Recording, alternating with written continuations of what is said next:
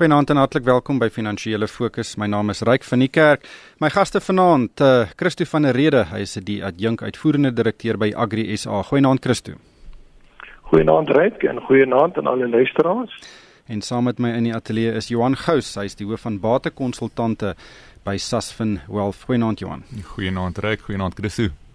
Wel, die groot nuus van die week, ekskuus tog Christo, uh, is natuurlik die wêreldekonomiese forum wat in Davos saamgetrek het. Suid-Afrika het 'n baie groot delegasie gehad wat dit gaan bywoon het.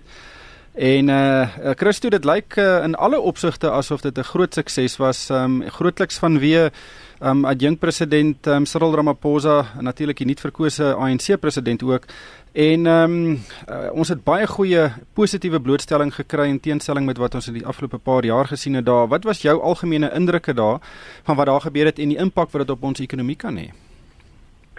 Ek dink Cyril uh, besef terdee dat aksie spreek baie uh, harder as blote retorieke woorde en ons sien dat uh, in die afgelope tyd het hulle begin met hulle skoonmaakprosesse die uh, nasionale vervolgingsgesag het planne aangekondig om 'n klomp mense te vervolg. Ons sien ook dat daar 'n uh, klomp mense wat in die parlement moet gaan verantwoordelik doen, Eskom sowel as SASSA. En ons sien ook hoe hierdie naweek hoe die valke begin toeslaan het op die uh, Vrede Melkplaas waar daar ernstige korrupsie misdrywe plaas gevind het. En ek dink teen daai agtergrond het Cyril dit beklemtoon dat Suid-Afrika nie verder enige korrupsie gaan duld nie en dit is 'n baie baie positiewe boodskap en in internasionale media en nasionale beleggers neem kennis van hierdie aksies wat tans uitgevoer word om korrupsie in diegene wat dit gepleeg het aan die kaak te stel. Maar meer nog, het dit beklemtoon Suid-Afrika se oop vir besigheid en ons sien die oorspoel effek daarvan in terme van die rand eh, wat sy kop begin optel. Ons sien ook die oorspoel effek daarvan in terme van kapitaalinvloei in die land en ons sien ook eh, die oorspoel effek daarvan op die beurs. So 'n uh, uiters uiters 'n uh, goeie boodskap en meer nog het dit ook beklemtoon dat ons ons uh staatsinstellings veral Eskom en uh ander uh, groot staatsondernemings uh, gaan begin regryk en nuwe raad is aangestel. So ja, baie baie positiewe begin en 'n mens hoop net dat die ou klein jakkalsies in die wingerde nie hierdie uh uh aksies wat hy loods uh, gaan bederf nie. Ja, Johan, ek stem 100% met Christus saam. Daar's baie dinge wat nou gebeur wat uh, wat positief is en en sentiment het regtig verander, maar Cyril Ramaphosa was Vrydag nog net vir 40 dae die hoof van die ANC. 40 dae en dit sluit nou weer Kersfees in en 'n klomp vakansiedae. Hoe is dit hy wat alles reg gekry het of het hy maar op die kruin van die golf aan bewind gekom?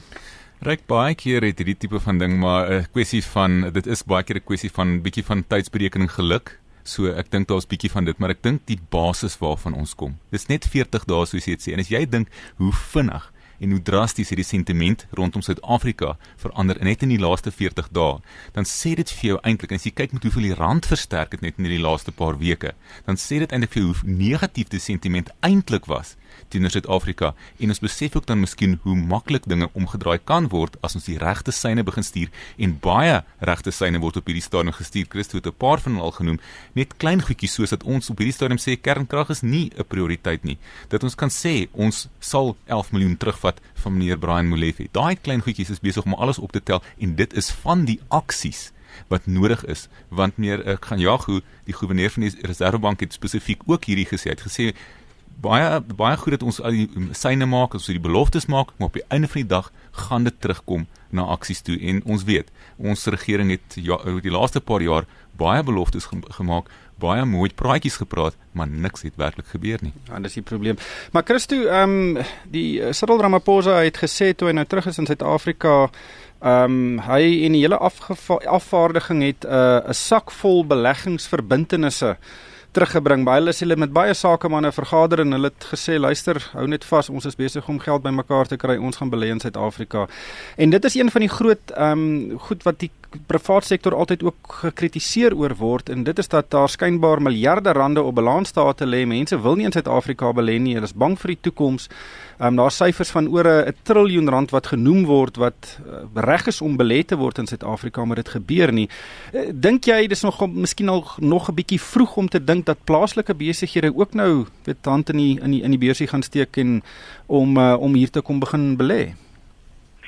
Kyk, die grootste bekommernis vir ons plaaslike besighede en veral vir ons wat in die landbou is, is maar die kwessie van uh eiendomsreg.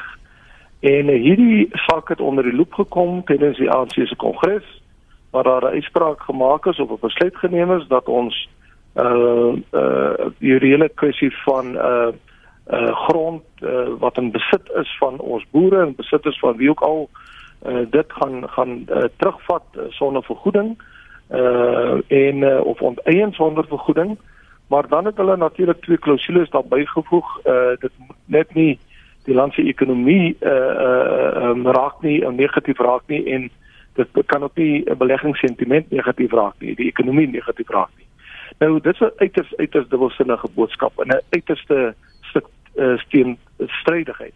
Uh en uh, dit is baie interessant dat uh, mense hom nie eintlik daaroor gekonfronteer het nie. Want uh die basis van enige belegging is maar opbrengs op daai belegging.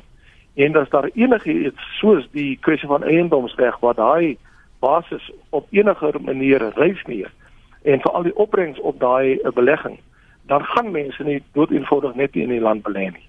En uh, indien grond net links en regs afgevat word, dan hou dit ernstige implikasies in vir die uh, vir die hele land se uh, se uh, finansiële stelsels.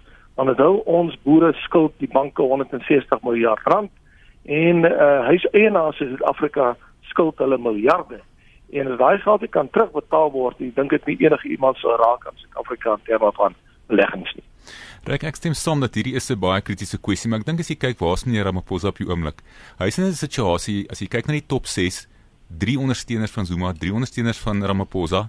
Hy moet probeer op hierdie stadium om die syne te stuur waar hy almal nog steeds in spel hou. Hy gaan nie op hierdie stadium noodwendig al die goed wat ons graag wil hê hy moet aanspreek as topprioriteite aanspreek nie en hy gaan baie mooi moet besluit wat hy nou raak en wat hy nou los. En ek glo hy sal hopelik éventueel by uitkom, maar dit is so dat jou grondhervorming gaan 'n sleutelkwessie wees net soos wat jy gaan kyk na jou mynbeand wees. Ja, ek dink ook uh ehm um, Johan die die fiskale posisie waarin ons ons is, sit op die oomblik gaan ook baie van die uh van die goed wat hy wil doen inperk. Ehm um, ons het eenvoudig net nie geld nie. Dit weet om te sê ons het nie geld vir vir kernkrag nie is 'n gegewe. Ehm um, uh maar kom Februarie met die begroting gaan ons eintlik eers kan sien 'n tasbare weet uh aanduiding gee van hoe vas sy hande nou werklik is. En ja, as as ons as hy as dit werklik so is dat hy hiernatoe teruggekom het na Suid-Afrika toe met 'n paar ondernemings van beleggings ensovoorts, as ons kyk na die kapitaalinvloei wat ons begin sien het weer terug in ons mark, dan gaan dit dalk die minister van finansies in 'n situasie plaas waar hy bietjie meer positief kan wees wanneer hy sy begroting aanbied in terme van waarvoor hy dalk kan begroot en waarvoor nie. Want maar dit is dit is wat ons dan vir, vir, vir nou eers na kyk, want direk daarna kom daai besluit deur Moody's oor die kredietafgradering of nie en dit kan 'n belangrike faktor wees. Hmm. Christo, kom ons gesels 'n bietjie oor die droogte in die Kaap. Nou daar's baie politiek by betrokke, partytetiek, ehm um, intern en ek ekstern. Ek wil nie daaroor gesels nie, maar meer oor wat kan gebeur met die ekonomie in die Wes-Kaap indien die die krane droog raak. Ehm um, want uh, daar gaan 'n baie groot sosiale impak wees, ons almal weet dit maar dit kan katastrofies wees vir die streekse ekonomie en ek praat nie net van die landbousektor nie. Ja, daar was 'n skokkende voorlegging die afgelope tyd um, in die parlement oor die impak, die al die ekonomiese impak van die droogte. Uh syfers wat gemeld is is die volgende. Hulle praat van so wat 50000 werksgeleenthede wat in die Weskaap uh jy weet uh, vernietig kan word. Uh daar is reeds so wat 40 miljoen rand se inkomste uh, vir werkers is verlore. Uh hulle praat van uh geweldige afname in produksie, 50% minder eie in die Ceres omgewing, uh 20% uh afname in sagte vrugte produksie, 5% afname in uh wyn. So dit is kommerwekkende syfers. Uh en ons is bevrees dat indien daar nie planne deur nasionale regering gemaak word om veral vir ons werkers wat aan die einde van die dag uh jy weet uh nie werk gaan hê nie om hulle op een of ander manier uh, tegemoet te kom nie. Uh kan ons uh sosiale maatskaplike onstabiliteit uh en opstande sien in die Weskaap. Uh so dit is ons uh, rooi vlae en 'n mens hoop net dat uh daar uh hoop van die nasionale regering sal kom om die situasie op een of ander manier te beredder veral aan die sosio-maatskaplike kant. Ja. Maar Johan, aan die ander groot bedryf wat uh, regtig kan uh, kan probleme verwag is die hospitaliteits of die toerismebedryf in die Wes-Kaap. Mense gaan net eenvoudig nie hiernatoe kom as aan die water in die krane is nie en daai uitkring effek kan geweldig groot wees.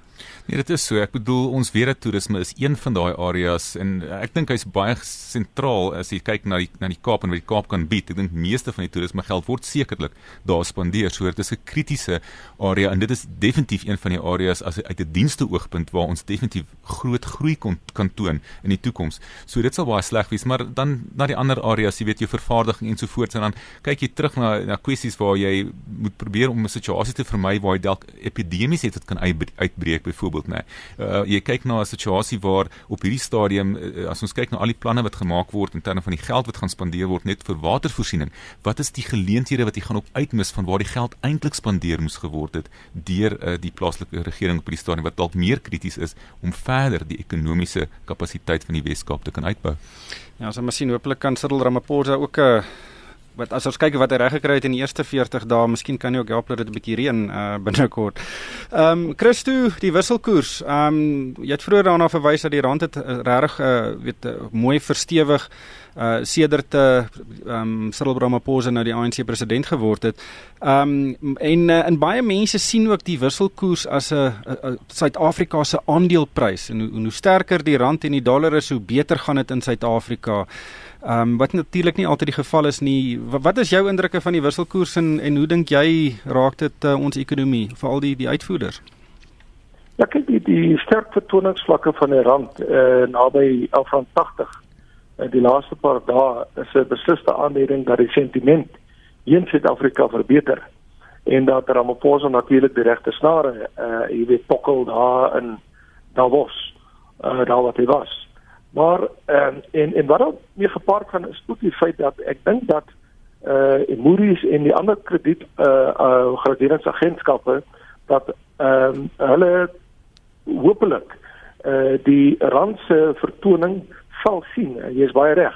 As ehm um, as 'n positiewe sein dat die land op die regte pad is en dat hulle so Cyril Ramaphosa en die regering wat hy nou vorentoe gaan lei, uh, geleentheid gaan gee en uh, dat hulle nie verdere krediet afgraderings sal bewerkstellig nie want dit uh, sal regtig waar die harde werk wat gedoen is afgelope tyd negatief beïnvloed. Ehm um, ek dink ook uh in terme van uh, uh in die landbousektor is dit baie aangewese op invoere en dit sal dit dinge net makliker maak vir ons boere. Maar aan die ander kant vir die manne wat op op groot skaal uitvoer, jy weet, hou dit weer ander implikasies in. Maar ek dink vir nou ehm um, is dit 'n baie baie positiewe sein en die land kan net ekonomies daarby baat vind. Reg net aan te sluit. Ek dink baie van die positiewe sentiment wat nou genoem is rondom die sterker rand is die een kant van die munt. Die ander kant van die munt is dan om te sê daar's ook 'n swakker dollar op hierdie stadium. Ons kan dit nie oog verloor nie. Jy weet die afskaling van die aankoop van staatsinstrumente uh, deur die Chinese uh, van die Amerikaanse staat staatsinstrumente, die afskaling van stimulusmaatreëls in Amerika, dan ook die toenemend isolerende politieke beleid van meneer Trump is besig om die dollar te ondermyn en jy kan dit sien in die stygende pryse van kommoditeite, die goudprys, die olieprys ensovoorts wat redelik goed is uh weet besig is om te styg na 3 jaar hoogtepunte. Uh die sterker rand natuurlik is 'n groot positief want dit behoort inflasie te hou binne die teikenband. Dit sal veroorsaak dat ons selfs later vanjaar nog dalk steeds kan kyk na rentekoersverlagings. Uh en dit is natuurlik positief uh vir plaaslik georiënteerde besighede soos banke en dan ook jou kleinhandelaars. En ek dink natuurlik op die oomblik op die korttermyn jou randverskansers as jy kyk uit 'n beleggersoogpunt word so bietjie negatief hierdeur uh geïmpakteer, maar op die medium en langtermyn onthou jy moet jy onthou dat jou randverskansers bied jou nog steeds blootstelling aan aan groter en sterker groeiende ekonomieë en ook aan meer beleggingsgeleenthede as wat in Suid-Afrika kan kry. Nog 'n ehm um, impak is die uh, geweldige omswaai in kapitaalvloei. Ons het gesien in die begin van hierdie jaar dat daar amper 'n ongekende hoeveelheid kapitaal na Suid-Afrika toe gegroei, uh, gevloei en dis buitelanders wat uh, sogenaamde weet drahandel uh, probeer doen. Hulle gaan leengeld goedkoop in die buiteland te kom belê dit belê dit in Suid-Afrikaanse staatseffekte wat 'n heelwat hoër rentekoers bied en dan maak jy nou geld um, met die verskil in die wisselkoerse. Hoe groot is daai impak? Ja, nee, dit is nog steeds groot, reg. Ek bedoel die feit is soos die rand nou sterker word, uh, gaan dit so 'n bietjie meer van 'n faktor raak want die, ons Suid-Afrikaanse bates word nog steeds duurder vir buitelandse beleggers om te kon koop, maar die feit is ons rentedraende instrumente uit 'n wêreldkonteks bied nog steeds baie aantreklike opbrengste vir um, vir hierdie beleggers. Baie belangrik hierdie eh, kapitaalinvloeye gegee dat ons nog steeds 'n lopende tekort, nog steeds 'n begrotingstekort op ons um, fiskale situasie het en dit soos ek vroeër gesê het, kan die minister van finansies help om bietjie meer ruimte te hê met die begroting en dan ook dalk te probeer om die afgradering van Moody's ehm um, te kan probeer vermy. Nou Christo, weet as mens nou so luister na wat ons vanaand bespreek het, is ons het onverwagte ver, verwagte momentum. Ons het 'n sneeubal wat besig is om te vorm. Daar's baie positiewe dinge wat gebeur. Mense kyk weer na Suid-Afrika. Ons is weer op die agenda. En en ons moet nou regtig spring in hierdie positiewe sentiment of uh, toename in momentum gebruik en hooplik kan dit verder deurvloei as uh, as net 'n paar gebeurtenisse. Hooplik kan ons uh, ekonomie kry wat uh, weet verras uh, en hierdie keer aan die positiewe kant en nie aan die negatiewe kant nie. Kyk, Cyril Ramaphosa was baie reg toe sê dat en daar is 'n kommoditeitsopbloei en dat Suid-Afrika nie uh, jy weet kan kan kan kan uitmis daarop nie. Ehm uh, maar dit is baie belangrik uh, dat ehm um, jy weet ons is as 'n primêre hulpbron uitvoerland dat ons uh, jy weet nou moet 'n munt slaan uit uit hierdie sterker rand want dit is uh, hoe die myne natuurlik ehm uh, hulle bedryfskoste kan dek maar ook ehm uh, sterker uh, valuta kan verdien vir die land. Maar 'n uh, voorvereistes uh, vir dit is ons moet gaan kyk na daai mynbouhandves. Ons moet dit gaan uh, herskryf sodat uh, dit nie uh, die die dat dit dat dit wel 'n uh, aantrekkingskrag is vir mynbou investeerders. Uh, ons moet gaan seker maak dat ons regte mense in poste sit. 'n uh, Nuwe minister van uh, uh, minerale hulpbronne aanstel wat die wêreld verstaan van daai uh, mynbou sektor.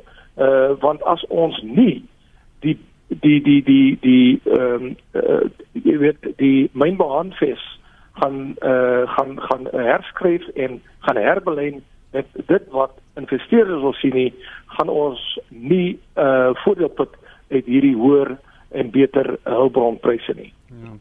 Ehm um, Johan het laastens uh op die in koöperatiewe nuus het Woolworths aangekondig hy gaan 7 miljard rand van sy belegging in David Jones afskryf. Dis natuurlik die maatskappy in Australië wat hy gekoop het in 2014 vir 'n amper astronomiese 21 miljard rand. Ehm um, en uh dit lyk nou of hulle nou erken het hulle het heeltemal te veel betaal vir die maatskappy. Ja, reg in 2014 het uh Woolworths as deel van 'n strategie om sy buitelandse valuta inkomste te verhoog en nou so die effek van 'n sukkelende plaaslike ekonomie teen te werk, uh, het hulle toe 'n oorneem van David Jones en Country Road gedoen vir 22 miljard rand. Uh baie analiste het op daardie stadium al gevoel hulle het dalk oorbetaal vir daardie besigheid en dat die verwagtinge dalk 'n uh, bietjie onrealisties was. Nou in 2016 het dinge toe bietjie begin moeilik raak vir David Jones en dit het ook bygedra tot die feit dat Woolworths se aandeleprys van November 2015 2018 van hier van 'n vlak van R106 af nou gedaal het na R67 toe wat so 43% daling is. Ehm um, en en Woolworths het toe nou uh, basies erken dat hulle omtrent 33% te veel betaal het vir David Jones destyds. Maar ryk tyd sal moet leer of bestuur hierdie ooglopende swak oorname geleentheid wel sal kan omdraai. Wel, Ian Moyer is die uitvoerende hoof. Hy het daai belegging gedoen as hy en hy is nog in sy in sy stoel. Ja, maar ongelukkig koop die analiste dit nie dat 'n uh, swakker ekonomiese omgewing in Australië die hoofrede was vir hierdie swak vertoning nie. Hmm. Wel ongelukkig hierdie tyd ons ingehaal. Baie dankie aan Christo van der Rede van Agri SA en Johan Gous van Sasfin Wealth van, van my ryk van die kerk. Dankie vir die saamluister en ek koop almal net 'n winsgewende week.